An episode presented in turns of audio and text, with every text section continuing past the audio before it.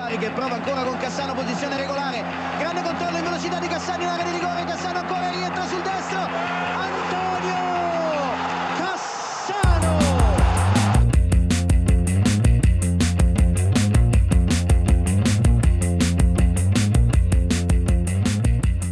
Komið sæl, kæru hlustendur, það er komið okkur í punkti og basta að fara yfir leiki í helgarnar í ítalska boltanum.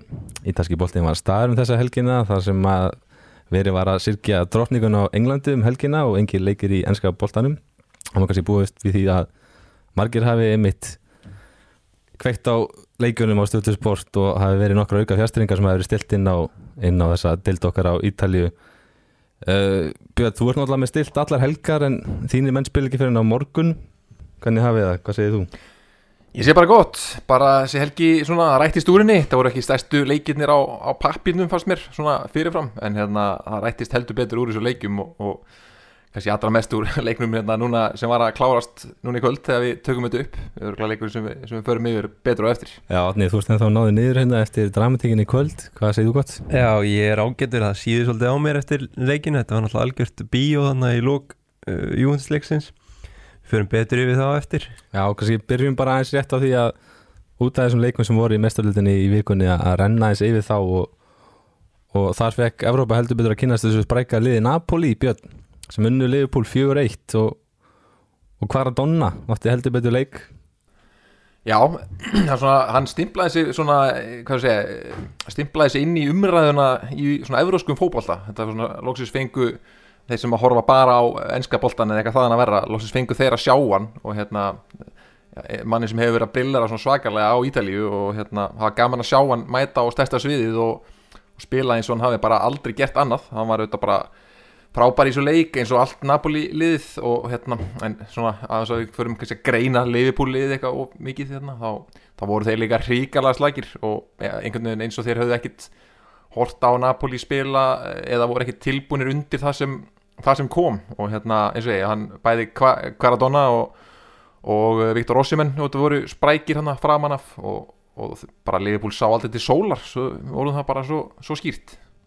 Já, Ossimenn fer síðan út að mittur hérna í fyrirhleik með tókna aftan í læra, hann hann verið frá í einhverja vikur og spilaði alltaf ekki um helgina en átnið þú sem bæði í vantismæður og, og Liverpool maður, þetta var sérstætt Þetta var svakalegt. Uh, bara minn maður á miðinu hjá Napoli og líka eiginlega stjarnarleiksins Angissa fyrir þá menn sem hafa hort á ennsku úrvastildina gæðin sem hafa verið í fúlham hérna fyrir nokkrum árum eða tveimur árum eða eitthvað uh, hann var bara gjörsanlega frábár og hefur byrjað þetta mót virkilega vel Já. og heldur bara uppteknum hætti en jú þetta var bara geggjað að sjá Napoli í þessum gýr þannig séð Já. í Evrópu Gaman að sjá að, einmitt, eins og hverja skilja sem við höfum talað svo mikið um að þetta, þetta var ekki þvæla þetta, hann, hann var svona góður maður er svolítið, maður líður svolítið eins og, man, eins og maður sé búin að vera að tala um svona eitthvað svona fútbólmanacy save sem, sem maður er með og einhvern veginn hennar að hlusta á eitthvað segja söguna einhverju fútbólmanacy save þar sem þú fannst einhvern svona wonderkid sem að, sem að frá Georgi sem var geggjaður en hann að mæta hann bara til leiks og hérna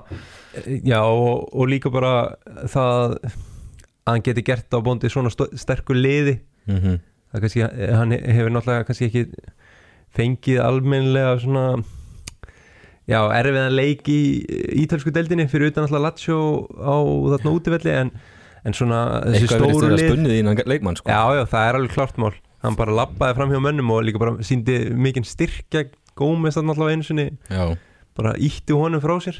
Það verður mjög forunlegt að fylgjast með honum það sem eftir er í mestudeldinu og ítalska boltanum en ég ekkert neina svona ef hann heldur þessu áfram þá mann ég ekkert sérstaklega eftir einhverju svona. Það komi bara einhver gauð frá bara einhver gauð sem engin það er frekar svona óþægti leikmenn frá Brasilíu kannski, einhver svona veist, sem maður hefur ekkert séð spila þar einhver, þú veist, ég veit ekki, sem eru kannski undrabött samt sko, þú veist, Kaka og Pato og einhverju svona sem maður hefur bara hirt um eitthvað en þú veist, þetta bara, hann kom alveg upp úr þurru og einhvern veginn bara from day one small inn í þetta, þannig að þetta er bara geðið ekki saga, gaman, gaman að fylgjast með hann Já, eitthvað neginn svona rjómin og kökuna er einmitt þetta er Georgia sko, þetta er ekki eitthvað svona Brasilia sem er eitthvað svona þekkt stærð sko, þetta er en svo einnig um, í mér í viku var leikur PSG og Juventus það sem að PSG svona, getur við sagt, lappaði yfir Juventus liði, óni Já, þeir voru bara miklu betri og þeir eru bara með betra lið. Juventus uh, mættu við þarna með já, hvað, beltum utanum mjöðmyrnar og bara þeir klikkuðu bara. Mm Mbappe síndi bara einstaklingsgæði þarna. Mbappe og, og Neymar þegar þeir chipuðu honum þarna yfir Bremerinn og, og Mbappe skoraði og að ég veit ekki. Ég, hvað var markmið Juventus í leiknum? Var það að vinna leikin eða var það bara að halda jafntefli? Já, ég held að það hafi verið að halda jafnteflinu þannig það gekk ekki. Nei, fengum marka á sig snemma og, og svona einhvern veginn áttaldri breyk. En þeir eru líka bara ennþá að finna besta liðið sitt. Þeir eru ekki ennþá komið með það eftir einhverja 5-6 leiki á tímbilinu Nei, er ég Það er ekki alveg náttúrulega virðist vera líka Nei, einmitt, svo náttúrulega bæta ekki meðslin á hún ástandið. Eða þú veist, já, þess að þeir meðslin hjálpa ekki til. Nei, þriðleikunum var þess að AC Milan Salzburg þar sem að leikar endu 1-1 og það er svona kannski koma óvart kannski svona neikvægt fyrir ítalsku liðin og AC Milan sem hefur lítið svona vel út að gera jættefli þarna. Ég trú ekki öðrunum að þeir einhvern veginn svona rífi sig í gangi næsta leik. Já, ég held að, ég held að líka sko. Þeir voru víst alveg bara fínir í þessu leik Hérna Við við höfum talað um að þeir spiluðu þetta í Evrópu eða meistarlildinni í fyrra í fyrsta skipti í tíu ár og eru svona ennþá að að komast inn í svona Evróputaktin og það að vera í einhvern veginn topparótu og geta róterað og spila í Evrópu líka þeir eru bara ekkert, ekkert vanir því en þeir eru svona að læra á þetta hægt rólega og ég, það var alveg segla í þessum leik og þeir voru, voru betri aðlinn svona það sem ég sá og, og heyrði á leiknum þannig að hérna, jú, ég hef engar ágjörð þeim í þessum, riðli sko. já, skuti stöngarn á 93. eða 4. mínútu þannig að Já, þeir hefði alveg geta stólið þessu þar en já, ég held að þetta hafi bara verið svona þeir eru temmilega sáttir að taka bara stíið þarna. Já einmitt. Gegn Salzburg sem er svona sprektlið, svona Evrópulið sko. og þetta var einmitt þessi Napoli sigur og Leifupúl var einmitt eini sigurinn í ítalsku liði í, í umferðinni af því að Inter tapu á móti Bayern bara mjög samfærandi sigur hjá Bayern gegn Inter. Já, algjörlega. Og bara Inzaghi eh, einhvern veginn uh, já, er ekki alveg búin að ná upp, já, sínu kannski besta byrjunarliði og hérna, og hafði bara engin svör hérna gegn bæjan og hann var sérstaklega gaggrindur eftir leikin líka fyrir skiptingarnar. Veist, hann er að, hann er að gera varnarskiptingu þegar þeir eru undir í 1-0 eða 2-0 og hérna, já, bara mikið hleyja á honum með það. Hann hefur nú gert það áður einmitt. Já, í, á tímbilinu, svolítið verið að gera það. Já, þannig að hérna, eh, það er bara ekki gott en, en mjög fyrir sjánlegt fyrst mér. Eh, þetta bæinn vélinn í Evrópu bara mallar og, og meðan Inter einhvern veginn bara, já, hillum hortnið svolítið og hérna þurfa, þurfa að fara að spýta lóana og svona eh, komast aftur á, á sigubrut Já, og fá Vittorio næst í næsta leik og þeir, hérna, það er skildur sigur fyrir þá ef þeir ætla að vera með í þessum riðli. Nú skulum ekki eða það miklum tíma í að tala um síðan tapið hjá Róma í Evróputildinni gegn Ludo Goretz í einhverjum mjög undarlegum fótbollaleik þar sem að sjónvarsmenninni voru ekki með sko. Já, það var hérna, gæðin á útsendingunni voru svona eftir gæðinum á, á vellinum. Það var svona að spila á okkur á ansi lélugu grasi en hérna Nei, bara liðið tapi á Róma en, en ég held að Mourinho sé potur og lögur hann tapaði 6-1 á útivelli fyrir bótu og glimt í fyrra og, og vann samt riðilinn sko, þannig að ég held að hann sé ansi, ansi rólegur yfir þessu. Já, og svo hérna jákvæða var kannski það að Lazio vann ekki jákvæð kannski fyrir Rómastunnismenn en, en fyrir Lazio að vinna Feyenoord og, og svona bossa þá eh, 4-2 hérna að finna daginn einnig. En byrjum þá bara að fara yfir í, í leik kvöldsins það sem sæjast henni sinti upp stígvili með sitt frábæra útvallar rekord til þess að heimsækja gömlukonna í Torino. Fyrirfram hafði Salernitana geta komist fram með Juventus í töflunni með sigri og það var greinlegt að það var þeim óvali í huga eftir, því eftir 80 mínútur skoraði fyrrum Juventus leikmarin Antonio Candreva þeirri litla liði í Salerno og komum yfir sjönda liði sem hann skorar fyrir í deildinu og það er mitt þar. En marki hafði maður svona ekki beint gegn gangi leiksins og stutti fyrir háluleikin fekk Bremer boltan í höndina og Pjóndek mætti með riflana á vítapunktin og komið yfir í 2-0 og þá var nú einn ákveðin aðli hérna í spjallinu sem tók við sér á leiklaborðinu í, í spjallgrupin okkar og, og hérna vildi nú gera ýmislegt. Kannski orð ekki fyrir atbörðrásinni sem átt eftir eiga sér stað í, í setni háleik þar sem að Bremer, tíknæmdur, stangaði boltan inn áður en að Bonucci jafnaði síðan leikinn frá vítapunktinum og svo hvað átni? Já, á 9003 eða eitthvað. Já. 9003 Já, hann er mitt, já. Skorar á 90. annari mínútu. Klikkar á vítinu Klikkar á vítinu en, en setur hann inn. Já, rétt setti frákasti. Ennþá bara smelt honum inn. Þetta er rosalegt finnis þetta Já. með hvað, hvað víti var, var slagt sko. Síðan er þarna eru náttúrulega bara Juventus ætla að sækja hana sigur og er fá hotspinnu Eitthvað tvæð þrjá mínútur eftir eða eitthvað Já, nei, bara eitthvað minna það var bara hálf mínút eftir eitthvað, já. þegar þið fóru hotspinnuna og þá, þá kemur boltinn inn í og, og Mílíkin skallar hann inn eins og svo ofta áður að hann kemur og bjargar, bjargar málunum fram á við hjá Juventus nema það og ég segi við þig bara eins gott þetta sé ekki rángst að, að Bonucci hefði snertan hann að hann, hann, hann flikkaði hann svona yfir sig Milik og Bonucci fór svona í áttin á hann en snert hann ekki bara fólk verður að kíkja á þetta og dæma sjálf hvort þetta sé rángstæði ekki en ég er það síður á mér yfir þessum dóm sko. þetta er sem sagt tekið af. Juventus menn halda að þeir séu búin að vinna leikið þarna 3-2 með tvö mörk eins og segir á 90 og bara til þess að hafa þetta rétt þetta er á 90 og 3 og 90 þetta er hann að mitt Já, fjórum myndir bætt við eða Já, eitthvað fjórum myndu bætt við. Já, og, og alveg rýfur, rýfur súr á ofan þegar hann skorar Já. fær sitt setna guðlaspjald þar með raukt sendur í sturtu búin að tryggja þeim sigurinn. Það er ekki fyrir þá sem að dómarinn fer að skjánum. Já, nei, allir eru bara svona, þannig sé farin að stilla sér upp þá fer dómarinn í áttina þarna, skjánum og það brjálast allt þarna leikmennir bara eiginlega hindra þess að hann fari í skjáin sko og, og þarna. Fatsjó í þarna vörninni hjá Salerni Tana trompast þarna og ítir mönnum og, og dómarinn neðast til þess að henda einhverjum þremum mönnum í, út af Já, vellirum Allegri fær rautspjald, Quadrato fær rautspjald fyrir þessi læti Já, sko. sko, Quadrato og Fatsjó Fatsjó var líka Fatsjó Já. fá raut fyrir einhver slagsmálana og síðan fær Bekkurinn hjá Salerni Tana eitt raut og síðan er Allegri hent stuttu setna eftir að markið er dæmt af í, í, úr, með ránstöðudómnum Ég ætla líka að gíska á að Ég ætla líka að gíska á að að þriðji mark með Juventus fá líka raut Því ég sá maður sá bara þegar það var að kötta hann- útsendinguna. Hann Þá var hann að framma inn í leikmannagönginu og eftir dómaranum og maður sá bara á, hérna, því hvernig hann lappaði að hann var að fara að sækja sér eitt gott bann þannig þegar hann lappaði inn í göngin sko. Það er alltaf svo gott að vera þriðji markmaður sko, einhvern veginn að geta haga sér svona hann er bara í þessu hlutverki hann, hann er með svona hanglæði á bekknum bara að veifa Já. því alltaf þegar þið skora og er að fyrstur að rífa kjátt eða þar sko það, og Allegri beigðan inn í göngunum eitthvað niður þegar var köttað útsendinguna þá held ég að vera sko allskins dramatík eftir hann út á velli sko af því að þeir þurftu bara eitthvað inn að slúta þessu sko Já, en þessi framistað er náttúrulega til hábúrna skammar hjá Júundur sko. bara, þeir voru bara mun verri sko, sérstaklega fyrri álugunum var bara hörmung. Hann var hræðilegur. Já, Juventus, þetta var bara, samanskapið bara góður að salan í tana, þeir lítu bara þeir voru bara að spila eins og Juventus eins og þeir var Juventus sko, maður eins og búningarnir hjá Juventus, þessi nýju bleikuð þarna sem þeir voru í, hafi bara einhvern veginn trublað á þetta, hafi bara rugglað einhvern veginn liðunum sama því að hérna, Salernitana voru bara ríkala sprækir og voru alltaf að finna einhvern veginn leiðir losu, hérna, komast í gegnum pressuna hjá Juventus og, og miðjan spræk og þessi, hérna, þessi díja upp á topp hérna, bara ríkala öflugur og, og þetta kann drefa með maður. Já, og kann drefa auðvitað á hæri kanturum með, með löppina sína sko og vel sexy á því sko. Þetta, þetta var bara mjög flott lið á Salernitana þannig í, í fyrirháleik svo, svo þetta snýrist að við í setni háleik ekki gleyma Masokki, mínu manni hann í vinstri bakuri sem að ég sá fyrst hann í playoffinu hjá Venezia fyrir nokkur mánu síðan sko. þetta var svona leikmaður sem að sko lítur út fyrir að sé ekkert að fara framhjæðar og svo bara bruna hann framhjæðar sko. þetta er svona, Já, og, og, og getur keirt á kvadratu sem nenni náttúrulega geta verjast sko. nei mitt Já, hann er, og þessi Matsokki kom með mark og assist núna í tveimur leikjum þannig að þetta er bara þýlít, þýlít spott að hafa spottað hann svona, svona, svona, svona snemma.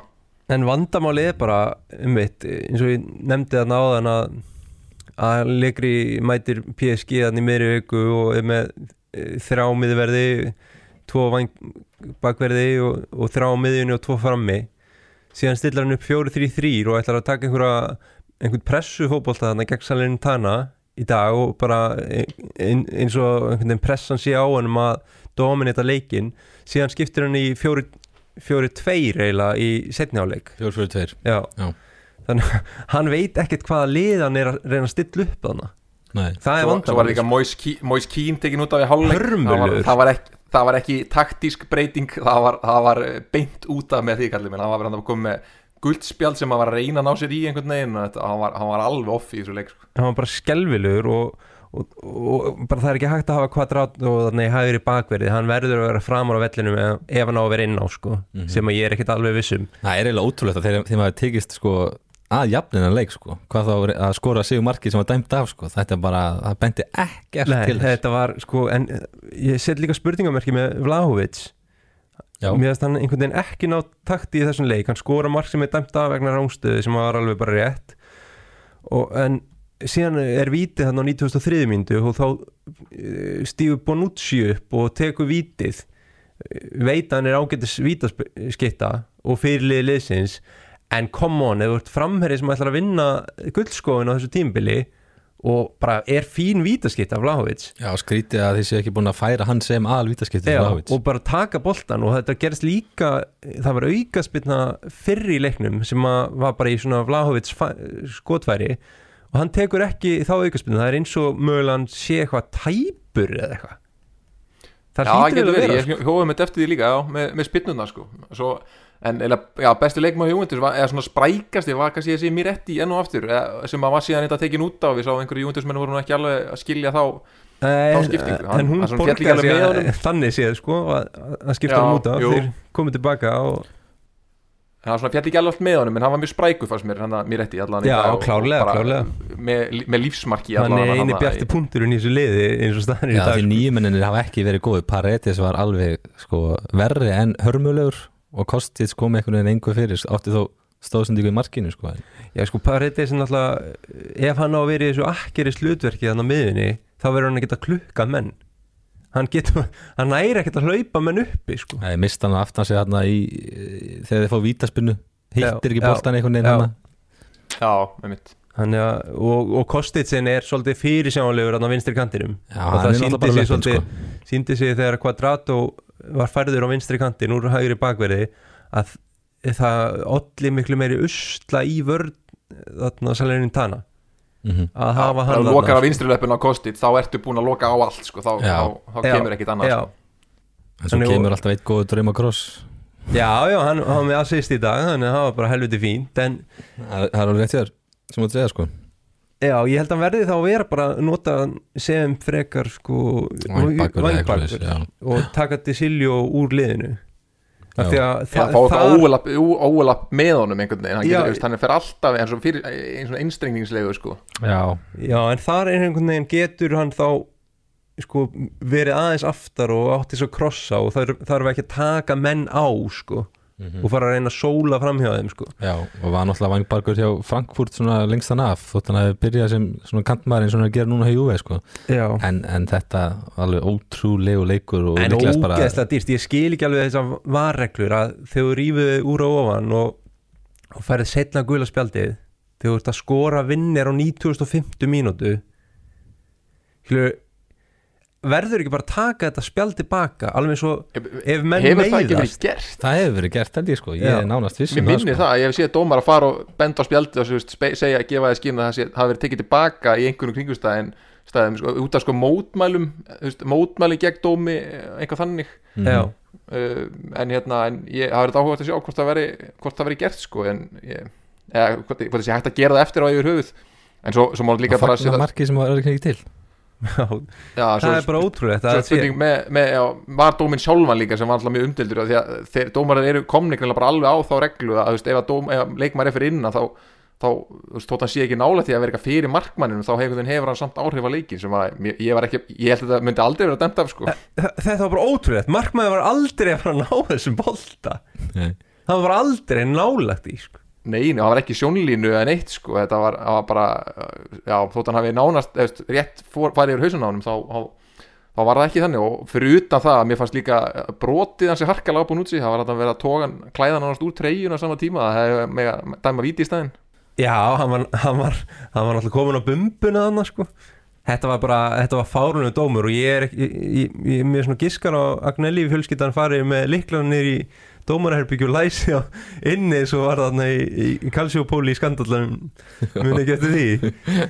Þegar að framkvæmdi stjóri Júventus eh, var eitthvað læst einhver dómar inni eftir í leik. Já, já, alveg rétt, já. Þannig að ég, ég veit það ekki. Þetta var bara hann misti þetta svolítið hann í lokin dómarinn. Eldur að sæti hans í heitt núna þótt að við, meina, við vorum bara búin að reka hann í hálfleik sko. Ég sagði við þegar Bonucci skoraði á vítaspindinni hann anskotin hafið, hann er að bjarga sæti að legri með þessu marki að hafa jafnað. Af því að ég held að það sé svolítið erfitt að reyka hann akkurat núna en ef hann hefði tapað fyrir fyrir þessum sæhestum frá Salerno þá hljóta menn að fara að spá og spekulera hvort þeir ekki að láta mann, mannin fara Já, sérstaklega ljósið þess að það búið að vera mikið látið en alltaf bara hérna yfir klúbnum og þetta þetta hefði bara verið síðasta stráið Já, sko. þetta hefði bara verið Þótt að þetta sé sneppur fyrir. rísa skandal sko, það er rísa skandal að þetta hefði farið 2-2 en hvað þá ef þeir hefðu tapað þessum leik og með þjálfar eins og Zidane eða Tuchel á lausu mm. þá hljóta menn að hugsa En hvað, hvað, hvernig varst ykkur búningarnir á Júventus, þessi bleiku þriði búningar, er ekki smá fjórudeldar eða gulldeldar bragur á þessum uh, treyjum eða? Ég er alltaf svolítið hrifin af bleikubúningunum hjá Júndus Ég er minna fyrir þarna bláu og gulu dreifinar sem Já, eru er sammála á hí Treyjan, einu sér allir læka skil, en þessi, svo voru þessi bleiku undir treyjur og svo bláu stuttbúsu við, það ekki það alveg, það var smá eins og einhver, Kostið tók í ekki vel út í þessu, að sko. að panta búninga fyrir liðið og flera flip eitthvað inn á, inn á katalógnum sko. Já, Þetta ég, ég er sammála því skrítið, sko. Já En ótrúlegur, ótrúlegur leikur í, í kvöld og hérna, ég held við sé nú svona búin að Já, við erum búin, sko það verður samt einhver eftirmálur eftir þetta held ég Ég held að menn sé ekki sáttir Það er sko. náttúrulega bara í fyrramáli, ég byrju, ég þarf bara að refressa gasituna einn aðeins, kíkja hvort það sé eitthvað Já, Við erum að Það En bara þetta var alveg er leikur sko. Það vantaði ekki sko. Þetta var frábær leikur og leikur tímubilsis, við verðum ekki bara að segja það alveg eins og verið eða? Ég, ég held það sko. Já, Svona á miður við bara dramatíkin í lokin sko. Þetta var alveg algjörlega. Og líka bara það að Salerni í Tanasíu komnir í 2-0 gegn Júventus og útihalli í fyriráleik sko. Já, já, síndu þeim ekki gefin. Já, klárlega. Það fyrir þá bara yfir okkar næsta leik sem er AC Milan og Sampdoria Það hefði nú verið mest síð leikur í nýjunu en nú er tíðin önnur. Það var reyndar einhver góður reikmökkur hana fyrir leik sko, þannig að myndi mér svolítið svona á tíund áratugna, þannig að Já, Stadio Luigi Ferrari svöllurinn hann það var, það var gott að sjá sko. En AC Milan voru ekki á því að láta sína 21 leikja sigurgöngu í Serie A frá sér. Þeir stiltu upp fyrir eitthvað hefðbunnu byrjunuli fyrir þetta kannski það að Thomas og, Be Thomas og Bobega byrjaði á miðin í staði fyrir Benacer og Simon Kjær kom inn í vörnina Belgin de Ketelare var eins og áður fyrir aftan Giroud með þá Leao og Messias yfir hlið. En það var einmitt samvinna þeirra sem kom Milan yfir í leiknum eftir frábær upp, frábært uppspil sem Messias álmurinn kláraði sjálfur. Það sem Milan skoraði síðan annað mark sem var dæmt af og bara mjög kynlíkt í marki sem við vorum að ræða hérna rétt á. Það sem að ég man nú ekki alveg hver það var. fyrir innan og Giroud eða ekki sem hann var rángstæður í uppbyggingunni og, og snertir sér að varnamannin já, fer í öxli öxleik við varnamannin þegar það kemur þannig að- Já, já, já það, það var meir að skilur það, það var meir meiri sko. áhrif á, var alveg klálega en ég sá um einhverja Mílanstunismenn, einhverja kana hann á Twitter sem að skildu ekkert í þessu hvernig þetta man. dæmt. Eitthvað sempre Mílan sem gott ekkert skilja okkur þetta var rángstæð sko, það var gaman að sjá það Mm. en svo náttúrulega hérna í upphæði setni hálfleiks, bara strax í upphæði setni hálfleiks fekk besti maður deildarinnar, Rafael á sitt annað gula spjald fyrir háskaleik fyrir háskaleik, hann tók náttúrulega bara og eh, þetta var eitthvað rosalegsta kickboxing trikk sem ég sé Þetta var, þetta var bara bókstala sem við köllum ekki, hann bara hjólari, hjólari bara í hausin á gæja sko. og ekkert laus, skilu, þetta, það, hann er ekkert að draga úr kraftinum, það er bara eins og að sé að vera að negla boltanum inn sko. var, var ekki það sem að þess vegna sem að varnamæðin að Ferrari spilaði með Chiellini hausbandi það sem eftir var leiks eða Jú, það lítur að vera sko. fekk gatt á hausin við þetta þetta var alveg þetta var bara bomba sko. ríkala heimskulegt hjá, hjá Lea sko.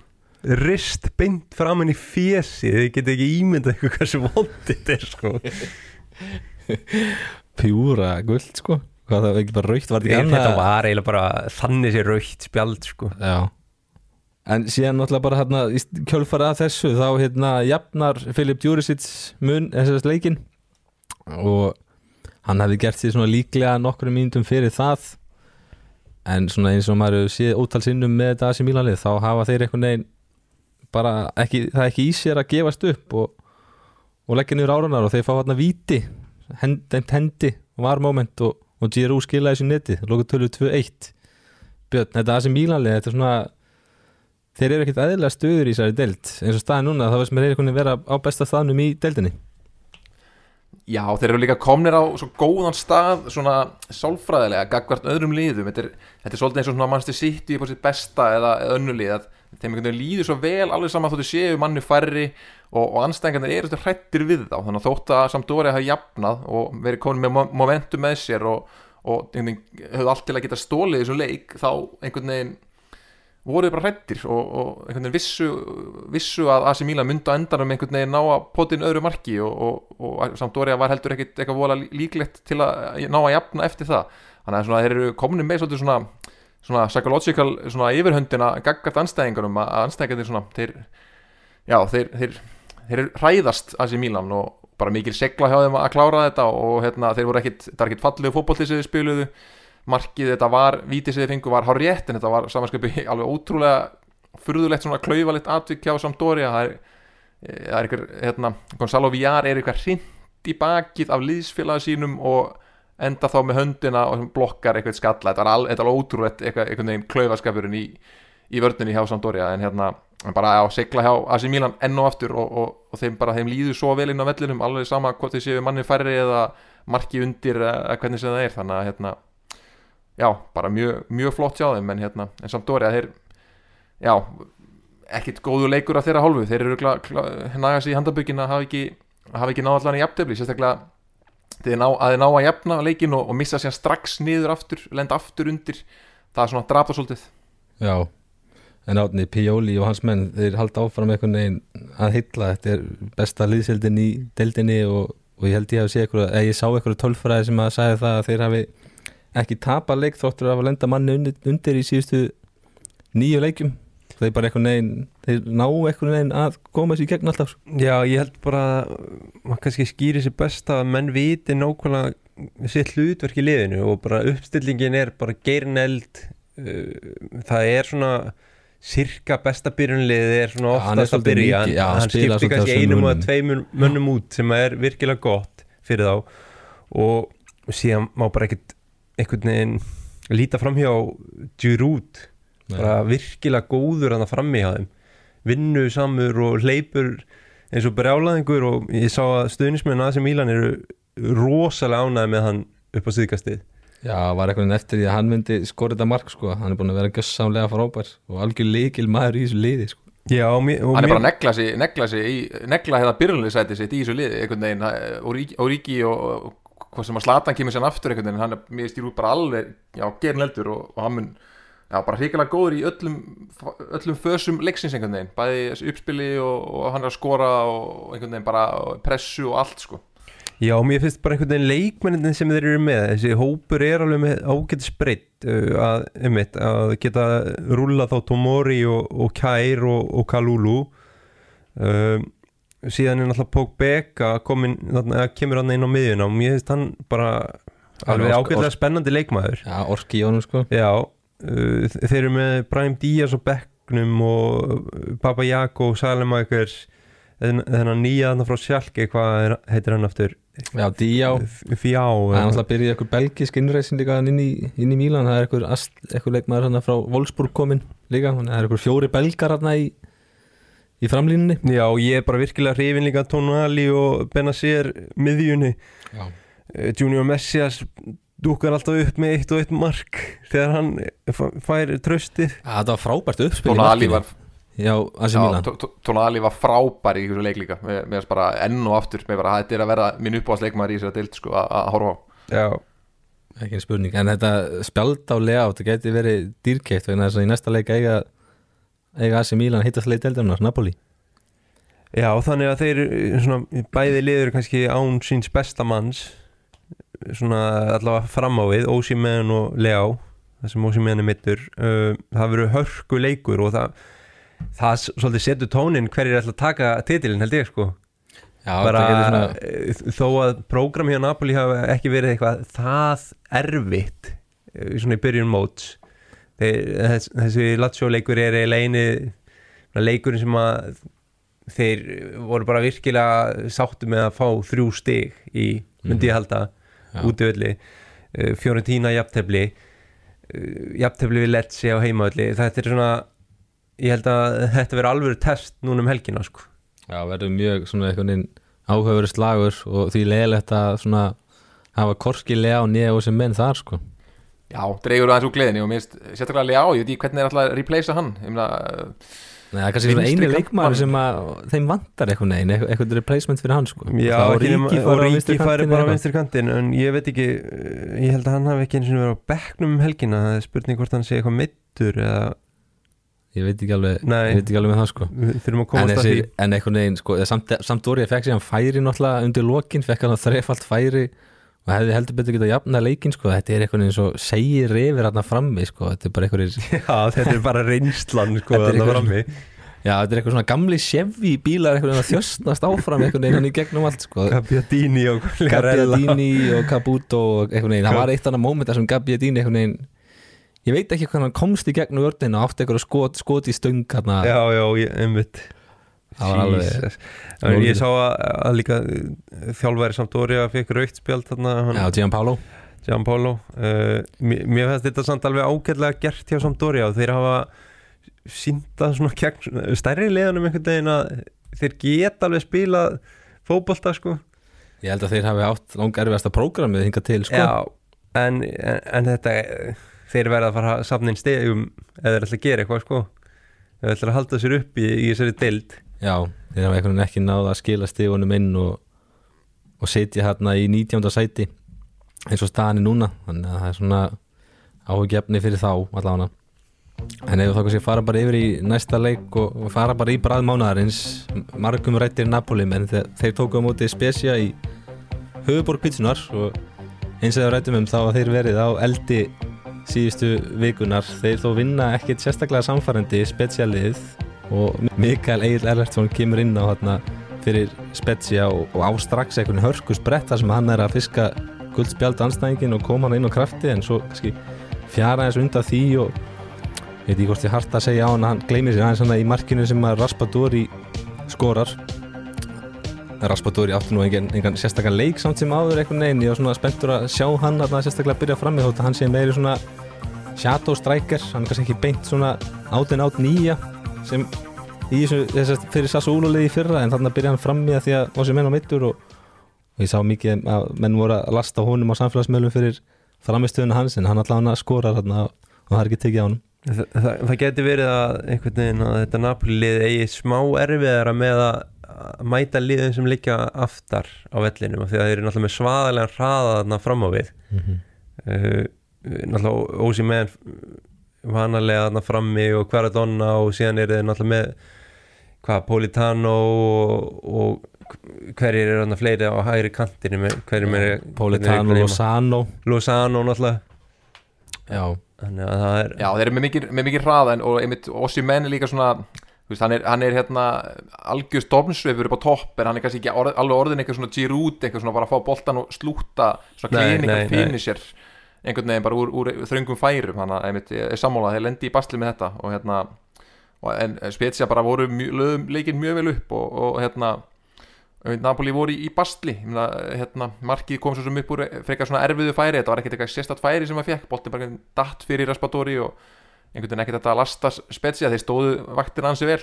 En hérna, en hann fekk líka mikla gaggrinni hjá, í gasetunni hérna, en Dombele hérna á miðjunni hjá Napoli, hann var einmitt tekin út af í hálfleik og það var ekki taktísk breyting. Nei, hann virkar einhvern veginn enga veginn í formið hann ég sá einmitt eh, hvernig svona, það er svona spilamennskan hans í fyriráleik var einhvern veginn ekki nógu góð sko, eins og þú segir. Og það er líka, gasetan gefur alltaf sko, gefur alltaf hérna, einhvern alltaf hæsti leik, maður leiksins eða í, í sigurliðinu. Er þess að maður leiksins og svo er alltaf e, lélegasti maðurinn í sigurliðinu er ekki, fær ekki sko, er ekki kallað lélegasti leikmaður leikmaðurinn. E, heldur fær alltaf sko, það heitir bara lægsta einhvern í staðan fyrir að segja lélegasti leikmaður liðsins.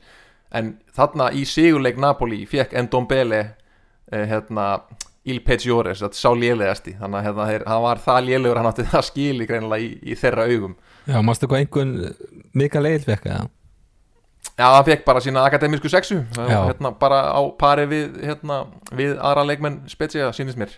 Hann spila núna að ekki framalega miðinu heldur bara á miðri miðinu kom hann inn bara á miðja miðinu reyndar þegar, þegar Napoli skoraði það voru eitthvað 8 myndur eftir á 7 myndur bætt við eða eitthvað slúðis og, og þá fór hann að vinstri kantinn sko en hann er alveg að leysa öll hlutverkana hjá þeim greinlega kom inn á fyrir Já, Agudelo. Já.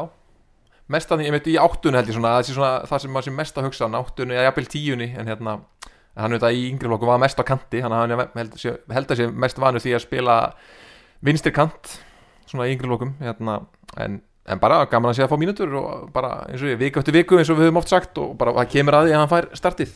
Já, mætti ekki aðeins uh, Rósa Spaletti líka bara fyrir þessa byrjun sex, í, í sex leikjum, þeir byrja líka í fyrra, fyrst, á fyrsta tímabilinu hans ósigraðir í átta leikjum. Náttúrulega enda ekki með því að vinna titilin en, en ég minna hann er greinlega komið með eitthvað hörsku blöndu hann í Napoli. Algjörlega og hefur ekki, ekki haft mikinn tíma með þetta lið. Ég meina þeir eru bara fullt af nýju leikmönnum og, og hann er búin að negla varnalínuna eins og hann reyndar gerir svona oftast. Hann er hérna oft mjög góður að mynda öflugar varnalínur og búa til svona varnarstjörnur og hérna liðið er búið að fá sér fjögumörk í sex leikjum og, og fengur sér eitt að það mútið liðið þannig að þetta er bara, bara mjög flott byrjun hjá þeim og, og líka búin að skora mest í deildinni, 13 mörk. Þetta, þessi, þessi stórsigra sem að, sem að tikka inn þar.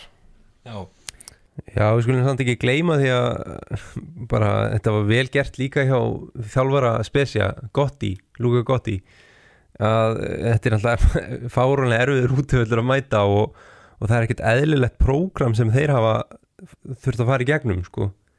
þeir, þeir byrja náttúrulega tímbilið á að vinna Empoli og tapa síðan fyrir Inter og útöfellið 3-0 síðan uh, náður jafntefli gegn Sassuolo á heimavelli tapa fyrir Juventus útöfellið 2-0 jafntefli við Bologna á heimavelli 2-2 og tapa fyrir Napoli á útivelli þannig að þetta er ekkit eðlilega erfitt útivallaprógram hérna í byrjun móts fyrir þá og, og mér finnst einhvern veginn þeir já þeir þurfa bara að byggja ofan á þessar framistöður gegn sérstaklega þessum lagar liðum að, að reyna að grænda út sigra þar og þá þá halda þessir uppi Já Björn, hvar sér þú aftur Spezia enda tímabilið? Ég með þeir verða í fallbaratu, þeir eru bara með það lítið budget og, og þú veist, þú voru í transferbanni í fyrra, eh, ekki núna í árhendi er endar, en þú veist, já, bara þeir eiga ekkit að sagja neinu mæli hverða að vera í efstudild á Ítalíu, þannig að hvert tímabil hefðum þar efst, í efstudild er, er einhvern veginn bara bónus. eh, Þessi þjálfari mitt þjál, var með út í nesi í fyrra og náða að steipulegsa þá alveg svakalega. Og við, svona, mjög sérstakur karakter, hann vildi ekkit vera þjálfari út í nesi í fyrra, er índa hætta en þeir einhvern veginn grátbáðum að vera áfram. Og svo þegar hérna, Tiago Motta fór núna frá Spezia í sumar þá fór, sóttu þeir svo nokkuð óvænt hennan Luka Gotti. Og hann er bara virðist bara mjög vinsæll svona hérna, hann er vel til leikmanna virðist vera og, og einhvern veginn hann er ekkit að æsa sig eitthvað á bekknum eða með einhverja stæla, hann er bara já, lætur liði bara spila vel og, og einhvern veginn nær því besta út úr leikmunum virðist vera, þannig að mér finnst hann bara mjög spennandi, Já. spennandi típa sko. Þeir eiga Sampdoria um næstu helgi á heimaölli þannig að ef það kemur sigur þar þá er þetta, þetta er hrikalega gott statement hjá þeim að, að byrja mótið svona. Já, aftur var ykkur, voru urðu ykkur læti á bekkjunum, það var hann aðstofþjálfur á Spezia reikin út af og, og Spalletti fekk rauðspildi líka, Já, hann já. fagnaði andliti á vardómarunum, eða þess að, já, fjóradómarunum kannski verðskulda, hann var- hann komin alveg ón í andliti á honum hana. Það, það er einhver mikill híti á bekkjunum á Ítalíu þessa dagana. Það er einhvern veginn bara í nánast hverjum einsta leik þar sem einhver á bekknum fær rautt spjald. Já, svo sáum við Sarri náttúrulega fokk upp í stúku þarna líka, Djú, þannig að það verð það er alveg moment sko.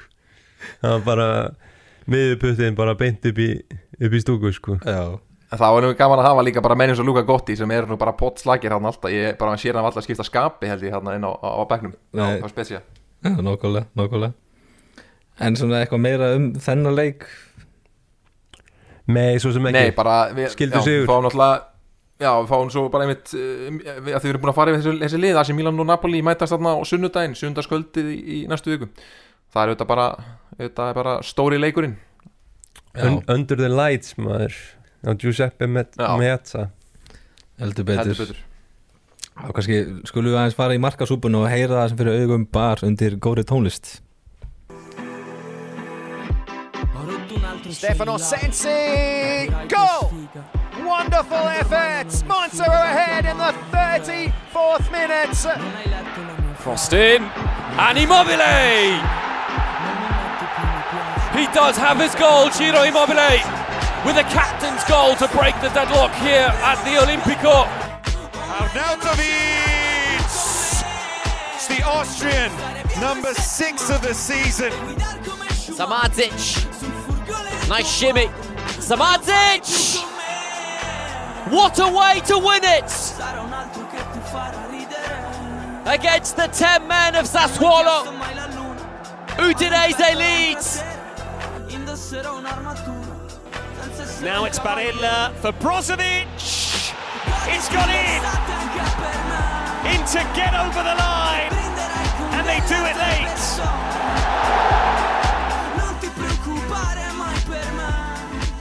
Ren, rennum aðeins í gegnum við þetta strákar Inter Torino 1-0 sigur hjá Inter þar sem þeir stóð að býða fram á 89. mindu með markið, það var Brósveit sem skoraði annar leikin í röð og, og því litt konfekt þessi sendingi á Barella í, í markinu hjá Inter.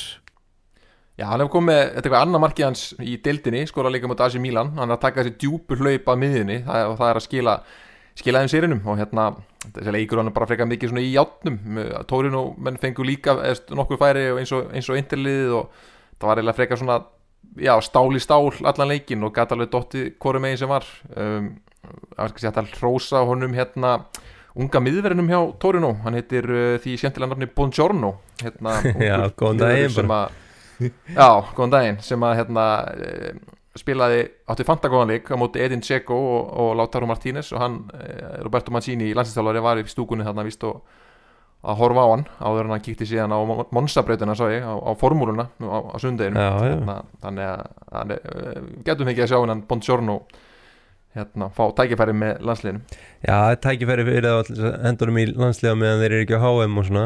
Það hlýtur að vera reyna að finna nýja blönduna þarna til þess að binda saman vörnina. Uh. Mér fannst líka bara mér finnst Vlahits alltaf heilla mig. Vlasic, segi ég. Já, mér finnst La- Vlasic alltaf heilla mig. Og hann var sprækur fyrir Torino. Mm, bara á Radonjets líka hinum en Já, kannski Radonjic góður líka um, en bara Inter þrjú stig áfram gakk, þetta var fín sigur bara að vinna þetta. Eitt svona eitt leiðilegsti leikur helgarna myndi ég að segja sko. Já, þeir Inter þurfti á sem segir að halda nöðsynlega eftir bæjarn tapið og, og, og síðustu helgi þá bara var það bara brá nöðsynlegt og Já. og þeir, þeir kláruðu það. Það var bara vel gert. Já, sá leikur var í, á lögadeginum en fyrir í, fyrir í dag var síðan leikur Bologna og Fiorentina þar sem að Bologna teltum fram nýjum stjóra. Honum Tiago Motta sem að hérna, var með spetsja í fyrra. Það er svolítið áhugavert að Mihalovic í látum fara. Það verðist vera að vera náttúrulega- þeir hafa náttúrulega þurft að standa svolítið með honum í gegnum hans veikindi og, og svo eitthvað núna, ég menna, mér finnst að þessi byrjun þeim ekkert eitthvað hörmuleg en samt er hann látin fara. Komið svolítið óvart fannst mér Já, og örgulega ekkit auðvitað ákvörðun og hérna ég held þetta að Tiago Motta hafi ekki verið á bekknum í dag, hann, hann tekur ekki við fyrir núna þess að hann var upp í stúku, gamla góða nenni ekki verið með liðið í fyrsta leik á þess að hafa þjálfað á dæmið sko.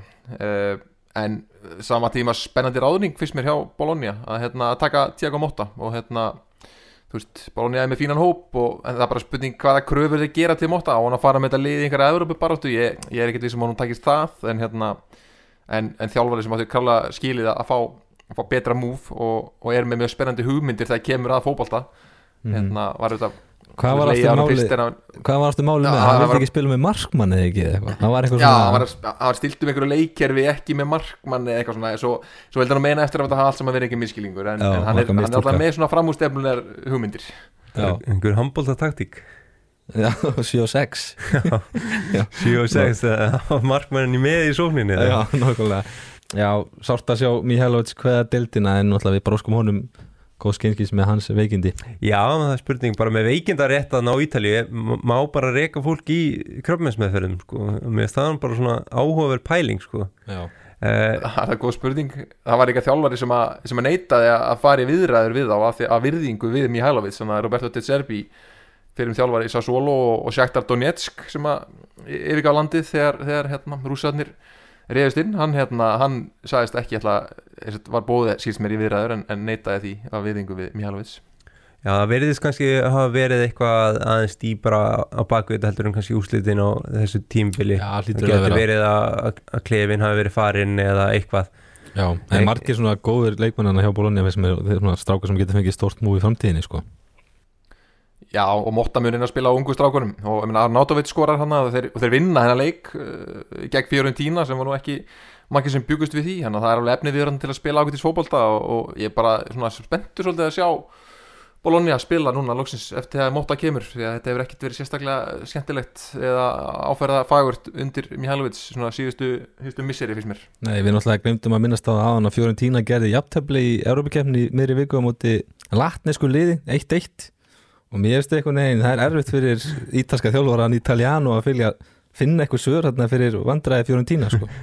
Lettnesku liðið ekki Lettnesku liðið, segi. Já, þe- þeir verðast vera svolítið jójó að bara hvort þeir komi stemdir inn í leikina og þetta er bara ekki nógu góð úslit fyrir þá að Nei. tapa þessum leik þetta er svona lið sem að einmitt þeir gætu orðið í, í svona baráttu við þegar að einhvern veginn dregur inn í mótið Mm, en bara sterkur sigur Arnáð Töfits náttúrulega með Danmark sitt og hann einhvern veginn skorar í hverjum einasta leik.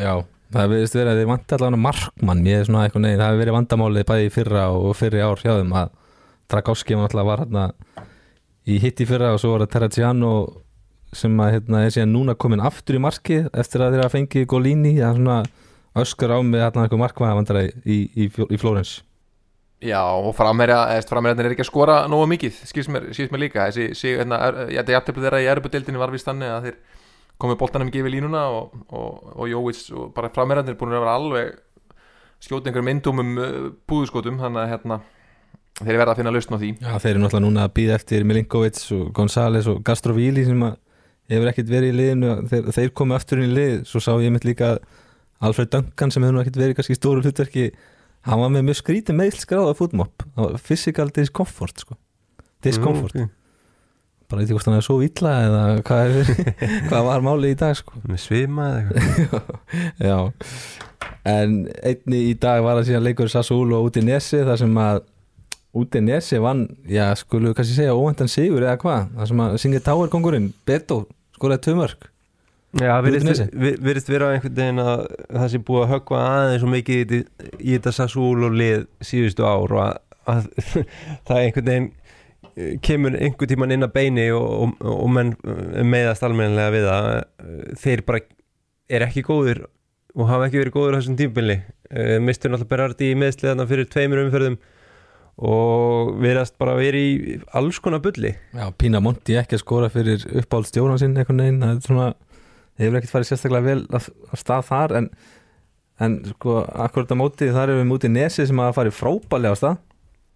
Já, ég bara, ég dóni með allt sem ég sagt um út í nesi síðust ár eða þeir eru lóksins að gera það sem var, var að vonast til. Ég, bara í svona leik svo sem þá kemst það sól og yfir og, og missi síðan manna velli rétt fyrir hálfleik þannig að út í nesi var, var svona elda aðna setna hálfleikin en hérna bara ríkilega flott hjá út í nesi og þeir eru hvað fjóraðsæti allan áður en Róma spila sínleik og bara, já, virkilega mikill kraftur í þeim og, og þeir halda bara áfram eh, eins og við nefndum bara hér í fyrsta þætti held ég hvort að þeir séu kannski við séum kannski að sofa svolítið á þeim Ég held að við ættum að nefna það í hverjum einasta þætti hérna, það sem eftir er bara, erum við að sofa á út í nesi Þángar til að þeir halda endi Evrópu. halda þessu lofti að, að við höfum nefnt þetta svona snemma sko, að hérna, við, við sáum þetta strax að það var eitthvað, það var eitthvað við á Ég held ég gefi þér allt kreditið þar sko en þetta er besta byrjun þeirra í sjö ár og þeir eru í fjóra sæti sem stendur þannig að þetta er aldrei byrjunin og ég held að ég hef nú sagt að það sem eitthvað neginn skorti hana í út í nesi eru spennandi leikmenn, mér finnst eitthvað neginn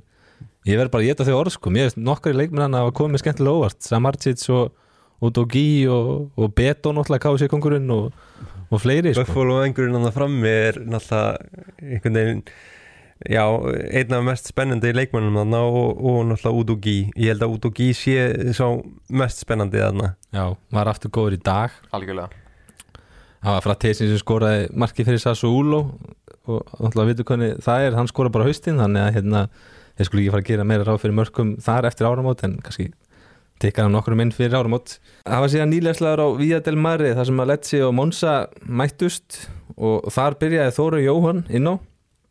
En aftur er hann tekin út af í hálfleik Björn. Já, það er svona, þetta lítur ekkit, lítur ekkit vel út en hérna, það var svo sem enginn sem bjóst við því að hann, hann myndi byrja hann að leik. Hann var bara, Gazetan og fleiri voru, voru bara ekki eins og með hann inn í myndin einhvern veginn, en hérna en þetta er svo sem líka svolítið svona nýliða bragur á þessu að vera, að vera rótera mjög mikið. Þú ert að taka heimitt leikmann sem er kannski ekki vanur að spila í serju A og þú kannski gefur honum gefur honum einn hálfleik og lætur hann getur kett sér út á því og, og skila hlutverki. En þeir eru að lenda 1-0 undir eftir hérna í fyrirháleik þegar hann spilar. Uh, Stefano Sensi skora þarna úr glæsilegur aukaspilnu kemur Monsa yfir og hérna svo já, fer Þóri Jóhann út af í hálfleik og inn á kemur hérna Gonzales sem að skora síðan þrefum mínutum setna en ég meina ef, þetta er, verður svona bara í vetur þá er þetta svona, líka svo, svolítið eins og eins og við var að búast að, að Þórir eh, verður í rotation hlutverki verður að veist, klukka mínútur hér og þar og, og hann getur alveg leist hlutverk hérna.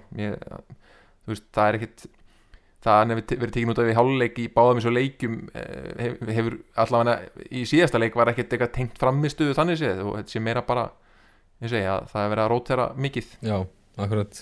Já, mér síndist líka eins og með Monsa vandræði þeirra að halda alveg áfram af því að Jú, Sensi skorur úr þessari aukaspinnu þeir eru með XG upp á eitthvað 0,12 í þessum leik. Já, Lecce var eiginlega betri í leiknum fannst mér sko, fram á markinu allavega Já, og, og bara einhvern veginn tölfræðin síni sig að, að það hefur verið. Þeir eru með einhverja þrjá big chances og, mm -hmm. og sjö skot á marki og með við að Monsa er með 2 og 0 og, og vandræði Monsa emitt, eins og ég segi, halda bara áfram. Já, þeir næla þú allavega í sitt fyrsta stig og hefur þeir ekki náðið það þá hefur þeir farið inn að döðlega hópa hafa ekki verið með stig eftir sex umfrið sem að er, held ég bara einhvers þrúlið hefur tekist að að vera með jafn lélega stigasöfnun og öll á því fallið þannig að allavega kannski glæta þarna hjá Já, Monsa Tokki DJ-in okkar, þú verður nú að setja á þarna valkyrjurnar fyrir Berlusconi fyrir þetta fyrsta stig hans já, í, í dildinni Það er ekki spurning af því.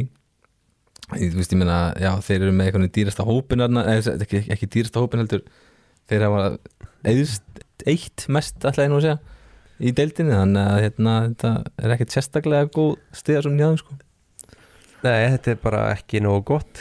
En Nei. kannski ekkit mikið meira að segja um þennan leik. Bara svo við glemum því ekki þá gerði Atalanta og Cremonese 1-1 jafntöflið þar sem að Demiral skoraði. Og Cremonese næri sitt annað stig á tímbilnu svo vann Lazio Verona 2-0 þar sem Immobile og SMS náða að linka upp saman enn og aftur. Og Immobile orðin núna 12. markaðasti leikmaður í söguseri og það tekur hann fram yfir hinnum heila Gabriel Batistuta. Magna afreg það Já, svo í kvöld er það leikur Empoli og Róma og, og ég myndi nú segja þar að, að leismenn Mourinho þurru heldur betur á þreymur stegum að halda og kannski hann sérstaklega þá, Björn. Já, algjörlega, það er bara komið pressa á hann og hann er komið með uh, Sanjolo inn í hópin aftur sem að lendi hann að axla meðslunum en það er svona líklegt að hann byrjir samt á bekknum og En já, þetta er bara leikur sem að Róma á að vinna eða alltaf gera sér einhverjar vonur um að halda áfram svona þetta ekki í eitthvað svona djúpa læð fyrst mér eftir hérna, þetta 4-0 tap gegn út í nesum það er hérna, þeir verða að skoppa beint aftur upp og, og þá er gott að fá tækifæri til þess gegn Empoli. Þeir eru með ákveðist taka á Empoli ég held að hafi unnið eitthvað, af síðustu tíu leikjum hafa þeir unnið sjö eða eitthvað og, um, það eina kannski er að þjálfari Empoli eru þetta hann hérna uh, Pálo Zanetti uh, sem var með Venezia í fyrra og hann var nú heldur betur líka með smá tak á Róma þeir unnu, unnu Róma hann að þrjútföðu í, í Feneum þannig að það geti verið einhver svona, einhver svona draugur þar sem að, sem að trubla Róma en ég held að, held að Róma taki hennar leik. Mér veist Empoli ekki hafa verið mjög samfærandi í byrjun tímabils og eru með mikið Gert fjög jafntefli. Já, einmitt. Og ég held að og bara já, eru ekki að íða mikið, miklu peningi í þetta lið og, og eru mikið að spila ungum leikmunum sem er alveg spennandi og verður verkefni en, en en þess þá heldur að, að þetta rómalið á, á að taka hann leik? Já, ég held að sé algjör skildur sér áhugavert um þetta spáði hvernig þessi þrjúlið sem við spáðum hérna á toppnum þessu eru öll einhvern veginn smá í vesinni. Juventus, Róma og, og Inter. En það er náttúrulega bara sex leiki búnir og, og nóg eftir. Nú í næstu umferð er það síðan hérna, eins og við nefndum þá er það Napoli, Asimila Napoli. Einni er það Róma, Atalanta og Útinessi Inder það er svona Þetta eru hörkuleikir. Já, það er svona helsta. Útinessi Inder verður mjög áhugaveru leikur Inder fari til Útinni á, á móti þessu heila liði það sem að nú hvað Rómverjarni voru flengtir En svona til að setja punktin yfir á í, í þessari umferð þá erum förum, eða svona já, svo sem ekki fara oflánt framur okkur, hvað svona hvaða leikmar heitlaði mest í þessari umferð Orni? Já, ég held að ég ætla bara það er svona tveir sem að heitluðu mig kannski hvað mest, mér fannst þannig að Mazzocchi á, á kantinum þannig hjá það hjá Salernitana heitlaði mig mjög mikið bara í kvöld. Það er svona on top of my mind akkurat núna og, og síðan bara uh, að djúrútin hann, hann kemur alltaf og, og tryggir þessi stig fyrir Mér finnst þeir tveir, það var enginn kannski sem að var svona afgerandi bestur í, í umferðinni. Nei, þó að þetta hefur verið mjög lífandi og lítrik umferð það er einhvern veginn svona enginn sem að stál fyrirsögnum þannig kannski. Nei, Já, samanlega með Giroud allan að því sem ég sá, það er bara hreikalega flottur. Já og, og þjálfar umferðina, ég held að við verðum að gefa Nikola, David Nikola þjálfararselurinn í Tana að fara á Allianz uh, Stadium og, og komast tvönu lifir og auðvitað svekkjandi að fá þetta víti á sig. Hann, eh, hann getur náttúrulega ekkert gert í því það var einhver slopp í varnarleikur þarna á 2003 mínútu þar sem þeir missið þetta niður í jafntefli. Uh, ég verða að gefa honum bara þjálfur umferðinar Já, enginn mótmælið Já, þar samanlega því, mikil, mikil töffari og bara gleir harður hann á hliðalínunni og þetta, hérna, munum eftir því hvernig hann hvað hann gerði þegar þeir voru í fallbaratunni í fyrra þegar hann einhvern veginn var fann að rífa sig úr skónum að hóta að berja leikmennina sína með hann sko. hann er, hann er alveg með gott skap sko. hann, hann hefur náða að berja trú í, í sína menn fyrir þennan leik. En hvað var að gerast í, í B-dildunum, strákar, okkar menn þar? Já, okkar besti maður var allir í banni í hérna, þegar Genoa mætti Palermo á fyrstu daginn í, á Renzo Barbera í, í, á Sigili hann, uh, hann að Genoa tapaði þar 1-0 uh, Já, svo var Hjörtur Hermanns var ekki í uh, byrjunleginu, að spilaði ekki hjá Pisa þegar þeir töpuðu sínu leik. Eru held- heldur betur í, í basli. Já, og enginn hjá Venetia sá ég að, að þetta er Skarfið skildi fyrir ekki nóa Já, menn þurfa að fara að rífa sig í gangan greinlega. Já, en í kvennaboltanum? Í kvennaboltanum þá voru nú bara allar að spila í, í Serie A. Eh, Sara Björk spilaði einhverja 70-75 mínútur í, í þrjú-þrjú jafntefli Juventus og móti Inter þar sem Anna Björk byrjaði inn á og, og spilaði allan leikin uh, síðan kom Alexandra Jóhannsdóttir inn á, á hvað, eh, þegar tvær mínútur voru eftir af, af leik Fiorentina og Como þar sem að Fiorentina vann 2-1 sigur. Uh, og síðan að það var á laugadeginum var Róma AC Milan þar sem að Guðni Átnadóttir var í vörn AC Milan allan leikin en því miður þá unnu Róma stúlkur það 2-0 Já, mína konur, ég sá, ég sá hluta þeim leik og hérna, hún var- bara mjög fín þar sko og allt annað bragur á, á Asi Milan liðinu svona 2-0 hérna í erfiðum leik en allt annað heldur þetta 4-0 rúst hérna í, í fyrstu umferð þannig að ég held að allan að Guðni spila sé bara að spila sér inn í, inn í liði hjá Asi Milan. Já, þetta er bara einhvern veginn rétt að byrja og, og, Róma eru með hvað, 60 á topnum með Fiorentina og Sampdoria. Þetta er svona frekar óvænt lið þarna á topnum eins og staðan er í dag. Uh, Juventus náttúrulega bara ég segi mistiðu sig gegn Inter að hafa ekki klárað þennan leik á heimavelli. Þegar mistu konu út af uh, sent í leiknum og í stöðinu 2-2 minnum mig skora og, og síðan jafnar Inter á, á 93. mínútu í uppbóta tíma þannig að Já, þetta er tvö mörg, það voru tvö mörg að uppöða tíma og komist yfir hérna á 90 og svo, Já, svo, svo náði Inter að jafna hann aftur Þannig að uh, Juventus þurfa að fara að rífa sér í gang mína konur Þær eru hvað, með fjögur stig eftir tvo leiki? Fjögur stig eftir tvo leiki, já, Já. já Þetta þetta- þetta verður bara hörku deilgreinlega Já. eins og uh, við töluðum um þá er, er Juventus búið að vera svona besta lið í kvennaboltanum á Ítalíu en það verðist vera að breytast aðeins að allavega liðin í kring er að styrkja sig og, og leggja svolítið fjármunni í þetta. En það má, eh, kannski bara, ef við hoppum aðeins tilbaka þá, hérna, aðeins í serju B því að hver er á toppnum í serju B? Það er að sjálfsögðu sérfræðingurinn í að koma liðum upp. Ég langar bara að nefna það, hérna, Pippo Inzaghi. Hann er að þjálfa Regina núna sem er ekki, ekki beint stórlið í svona serju B allan að undanfærin ár hann auðvitað þjálfaði ja, Milan fyrst hérna, að bælu skóni tímanum til skamst tíma, svo tók hann Venezia fór með þá úr serju C í serju B tók svo Bologna, fór með þá úr B í A tók með Benevento fór með þá í, frá B upp í A og svo aftur enda niður í B.